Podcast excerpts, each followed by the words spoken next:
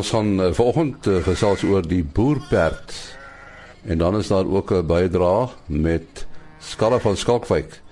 Hy's 'n Drakensberger boer. Uh, Frikkie Kombrink is die voorsitter van die SA Boerperd Telersgenootskap. En uh, ons sal 'n bietjie met hom praat oor oor 'n keuringstelsel om die boerperd te veredel uh, en die rasstandaard uh, hoog te hou. Uh, dit is die onderwerp waaroor ons met hom wil praat. Uh verduidelik 'n bietjie uh, Frikkie hoe hierdie keuringstelsel werk. OK, en nie baie dankie vir die geleentheid dat jy hulle vir ons gee. Um om ons ras uh, tentoon te stel en 'n bietjie meer te verduidelik van die perde van die van die ras. Ehm um, kom ek begin so die die genootskap is gestig in 1973 en ehm um, hy is in 1983 is die boeke toegemaak en by stamboek is die ras geregistreer as die SA ehm uh, SA boerperd.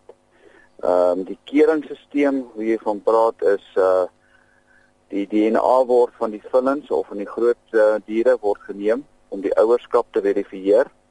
En dan op 2 en 'n half jarige ouderdom is daar keerders wat landwyd rondgaan en die diere inspekteer van die kopvorm, nek, blad, middelstuk, agterkwart, sy bene, sy hoewe, die beweging van die perd. En as die perd goedgekeur word deur deur die keerders, dan kry hy 'n um, 'n SA boerperd brandmerk op op op op, op sy bout. Uh, net net so vinnig, uh, waar kom die boerperd vandaan? Hoekom die naam?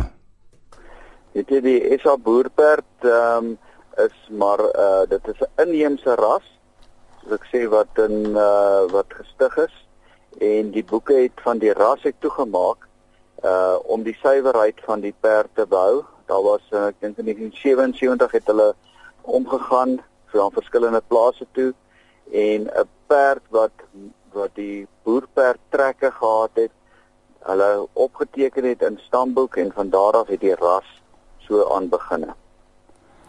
Ja, die boerperd tradisioneel uh, is op plase gebruik om uh, uh as veeperde te dien en werkperde. Maar maar daar's nou ook ander dinge wat hy doen, hy patrollering op wildplase en plesiere te. Ehm um, hoekom is die ras so geskik vir die wildbedryf? Ja, vir die wildbedryf en ag dit is nie net vir wildbedryf nie.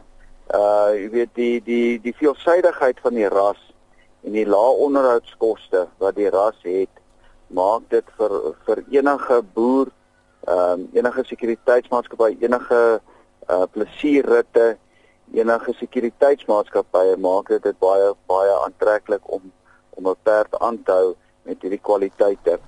En uh jy wat soos jy self gesê het, ons is nie nou net meer by die veelsy by die by die plaasperd nie, weet daar word nou geskou met die perd en daar word gespring met die perde, daar word gedresseer, Sanesa se se skole sporte uh is daar verskriklik baie uh, kinders wat die perde deesdae gebruik as volgens temperament tent pegging en ehm um, ja elke streek uh in die land het hulle eie klubs en daar word streekskoue jaarliks aangebied met elke ehm um, streek met sy eie kampioenskappe en ons het uh die die 29ste Junie tot die 4de Julie is ons SA SA kampioenskappe wat uh, hierdie jaar aangebied word in Parys by die Afridome. Uh, jy het so iets oor die temperament gesê, so ek uh, ek neem aan dat uh, die perde goeie temperament het. Verskriklike goeie temperamente in 2000 en 2 jaar terug het die SAPD van by ons hulle eerste perde begin gebruik ook wat ook tans in die polisie gebruik word vir ehm um, vir onluste en so so die perd se temperament is goed. Hy word sê hy word by Sanesa by die kinders gebruik ehm um, op die springskole en die skole sporte en goeie so ja die perd se se temperament is baie baie geskik vir enige enige ruiter. Ja, is hierdie perd net in Suid-Afrika of kry mens hom in die buiteland ook? Uh ons het 'n klub tans gestig in Namibië. Daar is perde in Namibië, daar's in Botswana, ehm um, en tot in Kenja wat ons perde al heen gestuur het maar nog uh, in die buiteland is daar tans ek dink 3 perde in Engeland wat SA boerperde is. Uh, vertel ons net so ietsie oor hoe die perd lyk. Like, is dit 'n medium grootte perd? Die hy het 'n medium raam. Maar met die huidige dag, soos wat die perde groot word, jy weet baie die perde wat nog steeds op die plaas groot word wat 'n bietjie nie wat bietjie harder groot word, die perd groei 'n bietjie swaarder uit. So dit is 'n medium raam perd en dan die perde wat in in in die stal groot word en jy weet wat skouperde is wat ons deesdae bietjie meer ehm um, nou kyk en die regte voeding gee, die perde groei natuurlik 'n hand of so uh meer en word 'n groter perd omdat hy op die regte voeding en so is. Goed en, en net so ietsie oor daardie uh, uh by byeenkoms in Junie net weer. Dit is ons uh nasionale kampioenskappe wat daar aangebied sal word in Parys. En uh die datum begin is die 29ste. Die maandag begin ons en dan die kampioenskappe die uh, algemene kampioenskap sal Saterdag van die oggend tot laat aand aangebied word. Nou dit was dan uh, Frikkie Kombrink, voorsitter van die SA Boerperd Teelers Genootskap. Ons uh, gesels nou met uh, Skalla van Skalkwyk wat met Drakensbergers boer. Die Skalla, hoe lank boer jy al met Drakensbergers? Man, nee, nie ek het snaakse geskiedenis met die Drakensbergers. My oom het vir my van uh Pieter Tief af 'n vraag Drakensbergers gestuur 11 verse in 'n bil in 1974 en ek het maar daai van die boer ek het nog in die Tabazimbi area geboor. Maar ek het uh, sedertdien het ek maar aan en af met die Drakensbergers geboer. Ek boer nou vir die laaste 10 jaar in die Hoëveld tussen Derby en Ventersdorp met Drakensbergers. Ek het nou geen ander beeste nie, maar net Drakensbergers. Ek het jare terug met hulle maar nou hou ek hulle suiwer. Ek is nou al 10 jaar besig met hulle waar ek hulle skoon suiwer. Nou en watter eienskappe van van hierdie ras het gemaak dat jy jy weet die ras gekies het en en daarbey hou? Dit is eintlik 'n lang storie. Ek het eers met die met ehm uh, um, Christeling toegepas met beeste, maar uh, toe ek heeltemal my beesboerdery gestaak op 'n stadium en toe ek begin toe ek nou weer begin het, het ek nou maar met skoon drakersbergers begin te en nie weer gekruis nie.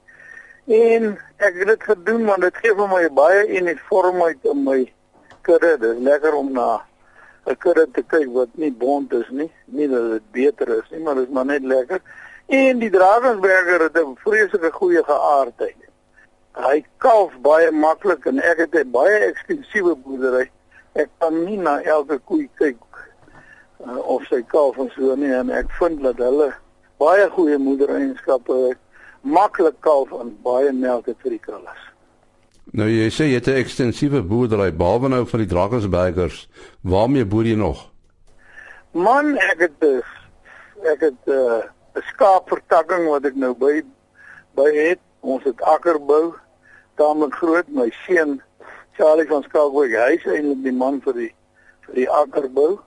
Uh en dan die beeste van ons uh loop nou maar na oestyd op die reste wat vir ons uh baie aandag te pas kom met die weiding kan ons draagkrag seker maar verdubbel met daai uh, proses van waar die beeste op die reste loop dit het sy nadele maar ek dink dit het meer voordele uh en dan het ek nog uh, saam met my ander seun het ek 'n sitrusboerdery ek het wildboerdery in die Bosveld in die Noordom area ons doen 'n bietjie droë land saaier vir daar hè. Nou, is so is maar 'n tamelike uh uitgespreide ekstensiewe boerdery van my.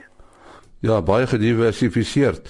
Nou is is die beeste, die Drakensbergers, is dit die grootste deel van die boerdery?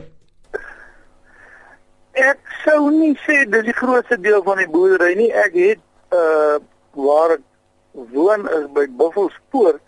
Ek het 'n groot sitrus 'n boerdery waar ons sitrus verbou en uh verpak om uit te voer in die na die buiteland. Dit kan dalk op hierdie stadium die grootste vertakking wees. Uh en dan die agterbou afdeling is ook maar omtrent so groot. Uh maar ons het 'n redelike sterk beesboerdery van min of meer 1500 koeie. So dit is 'n redelike sterk been van die boerdery. So as jy mens nou kyk na al die verskillende vertakkings van jou boerdery, hoe kan jy dit reg om jou hand op alles te hou? Wat is die geheim van jou sukses? Man ek het natuurlik dis dis vir my sal dit nie moontlik gewees het nie. Ek het baie goeie uh mense wat saam met my die boerdery bestuur. Uh maar ek het twee seuns wat uh elkeen sy eie afdeling doen omdat vir my goud werd is. Sonder my seuns sou ek dit nie kon gedoen het nie. En jou toekomsplanne? Ja, wel ek is nou nie meer vandag se kind nie, maar uh, ek is nog baie gesond en so ons gaan maar aan. Ek wil baie graag uitbrei uh die omstandighede nou maak mense 'n bietjie bang om uit te brei, maar ek dink nie daar is veel wat mense aan kan doen nie. Ek dink mense moet maar dit vasdruk en en vorentoe gaan. Dit was Skala van Skalkwyk, Drakensberger boer en uh, nie net Drakensbergers nie, maar 'n uh, hele klompie ander dinge. Tot maandagooggend, alles van die beste. Ah.